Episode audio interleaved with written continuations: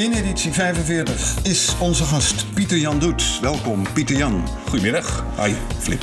Pieter Jan, bekend van bizgrowth.nl. Je noemt jezelf bedrijfsgroeiarchitect. Ja, dat klopt. Is dat iets waar veel vraag naar is? Dat is zeker iets waar veel belangstelling eh, voor is. Uh, ik hoef eh, niet te klagen wat dat betreft. Ja. Je zit hier nu niet om over BizGrowth te praten. Je zit hier omdat wij een nieuw initiatief van jou gaan bespreken, Winning Move. Ja, dat klopt. Winning Move is, ja, hoe zullen we het zeggen? Misschien kan je het zelf het beste eh, uitleggen. Eh, ja, de, de, de Winning Move is eigenlijk uh, ontstaan vanuit uh, een van de uh, producten die we aanreiken aan, aan ondernemers. En dat is het denken in drie investeringshorizons. Horizon 1 is eigenlijk zorg dat je als ondernemer grip hebt op je business as usual. dus hoe verkoop ik van mijn bestaande producten of diensten zoveel mogelijk en haal ik in ieder geval mijn doelen. Horizon 2 is de zogenaamde winning move. Een voorbeeld van een winning move is de wijze waarop mijn oude werkgever Microsoft de transitie heeft gemaakt van on-premise computing naar cloud computing. Een enorme transitie eigenlijk waarmee je een soort bedrijf 2.0 introduceert. Um, en de laatste, derde horizon is de innovatiezone, waarin je echt met innovatie aan de slag gaat. En nieuwe uh, producten of nieuwe diensten ontwikkelt. Nou, zo'n winning move moet je eigenlijk een beetje zien als een polstok van het heden uh, naar de toekomst. En die Winning Move vonden we eigenlijk een mooi label om de Winning Move Academy, waar we nu over spreken, aan op te hangen. Nou neem ik aan dat je zo'n initiatief niet zomaar begint. Er moet vraag uit de markt zijn. Dat klopt. En het klopt ook weer niet. Uh, tijdens corona werd het uh, ook voor ons wat lastiger om aan nieuwe klanten te komen. Uh, gelukkig wel druk gebleven met, met bestaande klanten. maar ik had wel de tijd om nieuwe initiatieven te ontplooien. En ik zag een ontwikkeling en ik zie een ontwikkeling waarbij er eigenlijk steeds meer vraag is en ook overigens aanbod rond digitale manieren om een bedrijf te laten groeien. Of, een, of bedrijf te, te optimaliseren. Dat hebben wij bekeken. En ja, wij hebben gezien dat daar in dat aanbod uh, nogal wat zaken missen. En dat hebben we bespreekbaar gemaakt uh, met klanten en met prospects. En die reageerden behoorlijk enthousiast op onze ideeën. En dat is eigenlijk het startpunt geweest van, van Winning Move.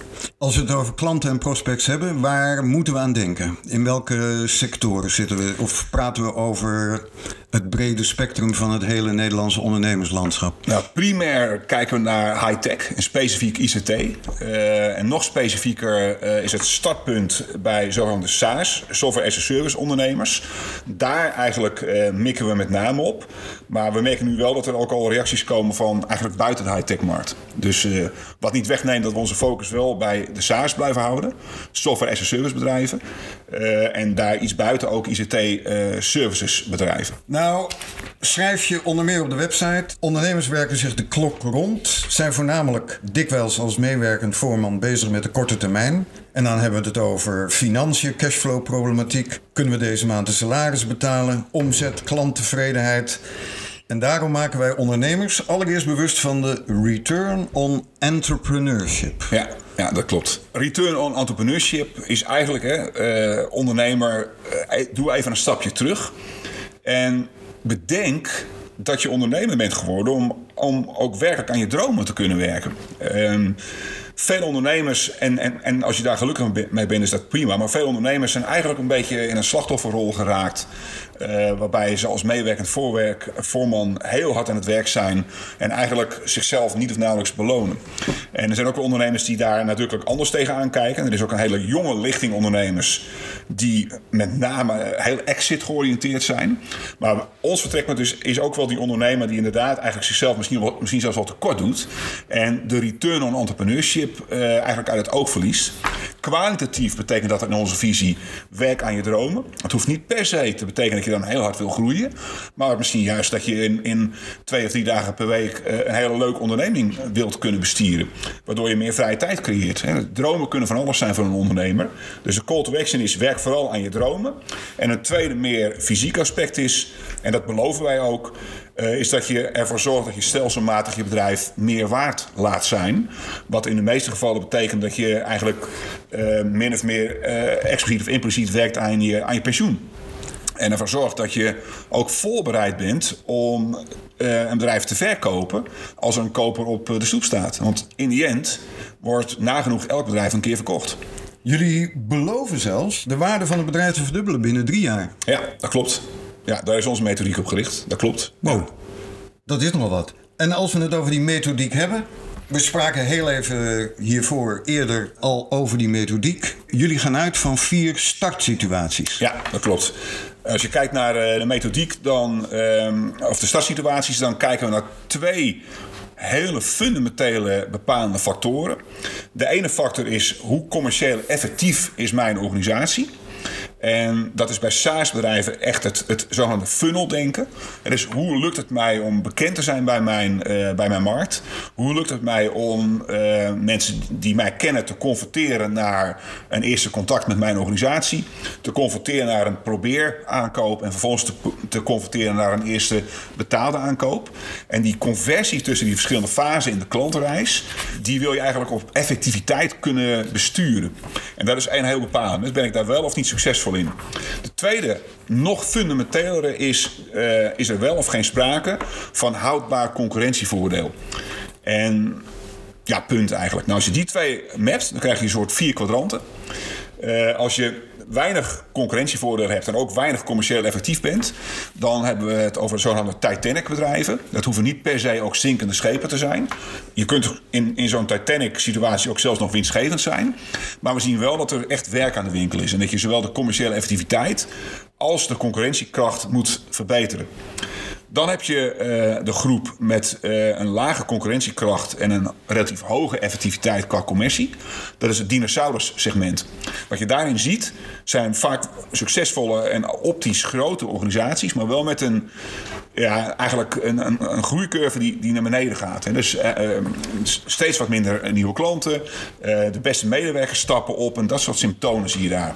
En wat daarvan belangrijk is, is dat je met een stuk klantwaarde-innovatie het verouderde aanbod weer converteert naar een nieuw en modern en concurrerend aanbod. Dan heb je, zoals we dat noemen, eerlijk gezegd ook wel voor mij een beetje een favoriet segment.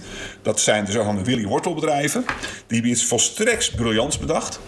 Um, maar slagen er eigenlijk weinig in om dat over het voetlicht te brengen. En daar ligt eigenlijk het accent op de commerciële effectiviteit. Hè, dus hoe krijg ik dat verkocht? Het laatste segment is uh, zogenaamde Rocket.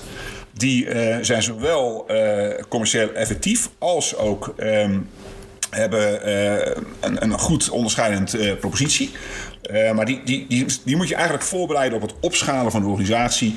Daar moet eigenlijk een goede groeivisie komen, waardoor ze niet gaan schieten op alles wat beweegt. want als het enorm goed gaat en je groeit snel, dan wordt het heel uh, ja, aantrekkelijk om op allerlei goede kansen in te springen. Dan verbreed je jezelf, wat weer ten koste gaat van de, de concurrentieintensiteit of de concurrentiekracht. Dus daar is vooral de groeivisie van groot belang, een goede groeistrategie en richtingen houden. En zorgen dat uh, al of niet internationaal zo'n bedrijf zijn vleugels kan uitslaan. Dus de Titanic, de Dino, de Willy Wortel en Raket. Dat zijn de vier startsituaties. Kun je een concreet voorbeeld noemen van, van een bedrijf, zonder dat je misschien een naam noemt? Ja, ik heb uh, uh, een, een, bedrijf geholpen, uh, zonder inderdaad een naam te noemen, die te laat in cloud computing zijn gestapt. En te maken kregen met een situatie waarbij een groot deel van het klantenbestand begon af te brokkelen. En daar was echt een winning move nodig om snel ook, ook een cloud aanbod te hebben. En, in, en ervoor te zorgen dat het tij gekeerd werd. Uh, een tweede voorbeeld van die groep was een bedrijf wat um, een marktleidende positie had uh, in de markt voor uh, tussenpersonen. En te maken kreeg met nieuwe wetgeving waardoor die markt gedecimeerd werd. En tegelijkertijd kwam er freeware gratis software uit Oost-Europa. En daar moest dus eigenlijk een totaal nieuwe markt worden aangeboord en een nieuwe propositie. En dat is goed gelukt. en dat is ook zo'n voorbeeld. En... Ik kan al meer noemen, maar dat ja. zijn dingen die je dan tegenkomt. Ja. Over die uh, kernchallenges uh, rond klantwaarde komen we straks misschien nog op terug. En dan willen we uh, ook aan je vragen om alvast een paar kleine tips te geven aan met name business-to-business ondernemers. Maar Winning Move, je vertelde mij, we gaan dat doen via online learning tools. Handige instrumenten die passen bij de fundamentele beslissingen waar je als ondernemer in de praktijk mee te maken krijgt. Bij het laten groeien van de waarde van je bedrijf. En maar liefst 100 trainingen. Ja. Voor elke cruciale beslissing. Ja. Wauw. Ja, ik moet zeggen, ik vermijd het woord, uh, vermijd het woord training hier een beetje in. Want we, Oké. Weliswaar, uh, maar misschien dat we uiteindelijk als we uh, de marktlancering eh, gaan uitrollen, dat we het ook wel eh, anders gaan noemen. We hebben weliswaar Winning Move Academy genoemd, maar we willen vooral uh, we beogen vooral hands-on instrumenten aan te bieden, waardoor ondernemers uh, snel en, en ook, ook wel wendbaar 100 cruciale beslissingen kunnen nemen. Die cruciale beslissingen zijn in zeven clusters ondergebracht. Dan moet je denken aan, aan, strategische beslissingen. Op zichzelf zijn de meeste wel vrij strategisch, maar echt de kern van je strategie. Denk aan financiële beslissingen. Beslissingen die te maken hebben met uh, personeel en, en, en kerncompetenties organiseren. Beslissingen met uh, je primair proces.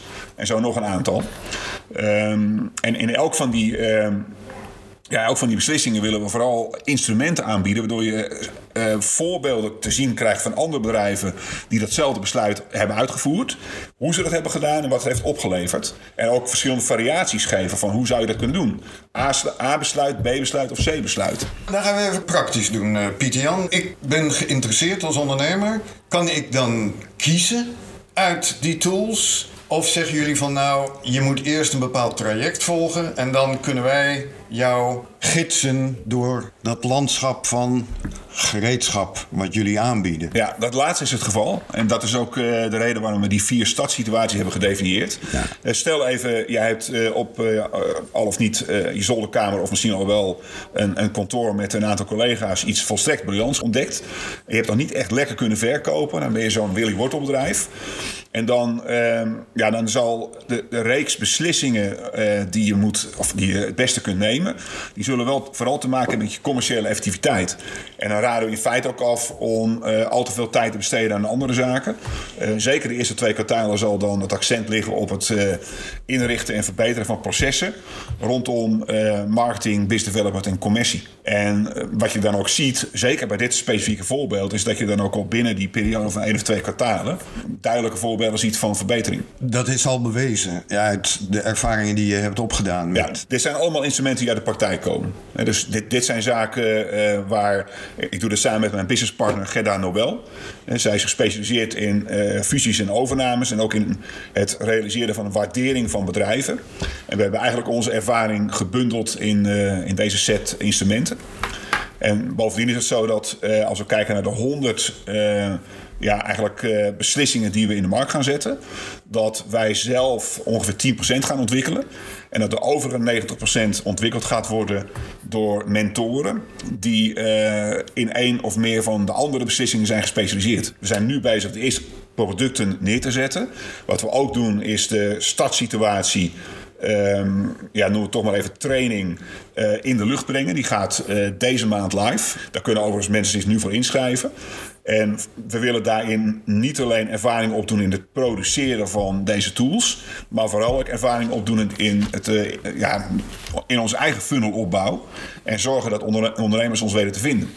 Als we daarin het proces onder de knie hebben, dan kunnen we daarmee naar mentoren uh, stappen en zeggen van goh, als jij het uh, leuk vindt, dan ben je uitgenodigd om op jouw specialiteit een training te ontwikkelen, een praktische hands-on training op dit onderdeel. Uh, en wij helpen jou om jouw training in de markt te zetten en in contact te komen met ondernemers die jij kunt gaan helpen. Pieter Jan, de hamvraag. Waar moeten mensen aan denken als ze bij Winning Move aankloppen en zeggen van nou, ik wil al meedoen aan die Academy? Er zijn een aantal producten die gratis uh, beschikbaar blijven. Dat zijn alle producten die te maken hebben met uh, de, de purpose van de organisatie. Dat is wat je nodig hebt om uh, een stuk zingeving voor je bedrijf te ontwikkelen. Dat te vertalen naar een bedrijfsvisie. Maar ook is de grondslag voor een merkwaarde naar buiten toe. Bedrijven met een gezonde purpose zijn, groeien vier keer zo snel en zijn 5% winstgevender. Dat blijft gratis, omdat we hopen dat bedrijven vanuit die zingeving meer nog dan nu het geval is, een stuk wereldverbetering gaan uh, uitrollen. Uh, daarnaast komt er een, uh, een range producten, kleine praktische beslissingen die in de orde grootte komen van onder de 100 euro. Daarnaast komen de echte cruciale beslissingen. En die komen te liggen tussen de 250 en de 1000 euro. En voor het hele pakket komt er een abonnementsprijs die we, moeten nog, gaan, die we nog gaan vaststellen. Uh, en zodra die bekend is, uiteraard, dan zal de klant dat horen. En meer informatie vinden ze uiteraard op de website. Ja. winningmove.nl. Als we dan eventjes naar die kernchallenges rond klantwaarde gaan, hè, waar jij met name behoorlijk veel ervaring in hebt opgedaan. Wat kom je nou in de praktijk tegen rond vraag over die klantwaarde? Ja, specifiek hè, eh, als je kijkt naar met name SaaS-bedrijven of, of uh, iets breder bedrijven die een softwarepakket hebben en dat in de markt willen zetten. Dat zijn eigenlijk een aantal hoepels waar je, waar je doorheen moet om, om uiteindelijk um, over voldoende klantwaarde te beschikken voor het uh, gezond opschalen van het bedrijf. En de eerste, meest fundamentele hoepel is dat je uh, de waarde biedt uh, in je product of in je propositie, waarmee een probleem, een, probleem wordt opgelost in de markt. Nou, als je kijkt naar ehm, softwarebedrijven of, of SaaS-bedrijven, dan hebben ze over het algemeen een heel mooi product, wat van alles kan. Maar terwijl ze aan het bouwen zijn geslagen, en hier en daar zeg ik voorzichtig, uit het oog verloren wat nou het probleem is wat daar aan moet, wat moet, moet worden opgelost. Als dat wel weer helder is, dan is er nog een tweede aspect daarin. En dat is eigenlijk uh, uh, het aspect wat in die klantwaarde voor die eerste hoepel te maken heeft met uh, de impact van klantwaarde op je omzet. En dat betekent dat je in staat moet zijn om niet alleen uit te leggen welk probleem je oplost, maar ook waarom een ondernemer of, of een, een, consument, als je je daarop richt, urgent behoefte heeft aan het oplossen daarvan. Want als je geen urgente aankoopreden adresseert, dan kun je nog zo goed een probleem oplossen, maar dan verkoop je geen pepernoot. Heb je een concreet voorbeeld hiervan? Ja, ik zou bijna zeggen, eh, dit, dit zou je kunnen koppelen aan, aan hoe je zelf boodschappen doet. Hè? Ehm, en naar de Albert Heijn of een andere supermarkt stapt en uh, bij jezelf denkt, waar heb ik vanavond trek in? En dus daarin is het algemeen advies, ga geen boodschappen doen als je zelf honger hebt, want dan koop je altijd te veel. dat is een voorbeeld van een urgente behoefte. Maar goed, ehm, ja, weet je, als je kijkt naar ehm, bedrijven die zich richten op de zakelijke markt dan, um, en, en je zou bijvoorbeeld een SaaS-bedrijf organiseren rondom een EEP-pakket. Ja, dan is de vraag van, goh, uh, waarom zou uh, een bedrijf wat al een EEP-pakket heeft...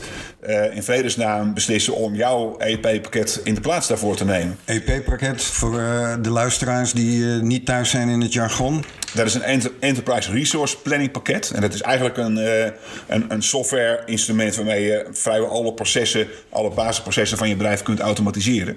Waarvan er tug in de markt zijn, hè? Ja, ja. ja. En wat, wat je ziet is dat een van de urgente aanleidingen om een EEP-pakket uh, te vervangen.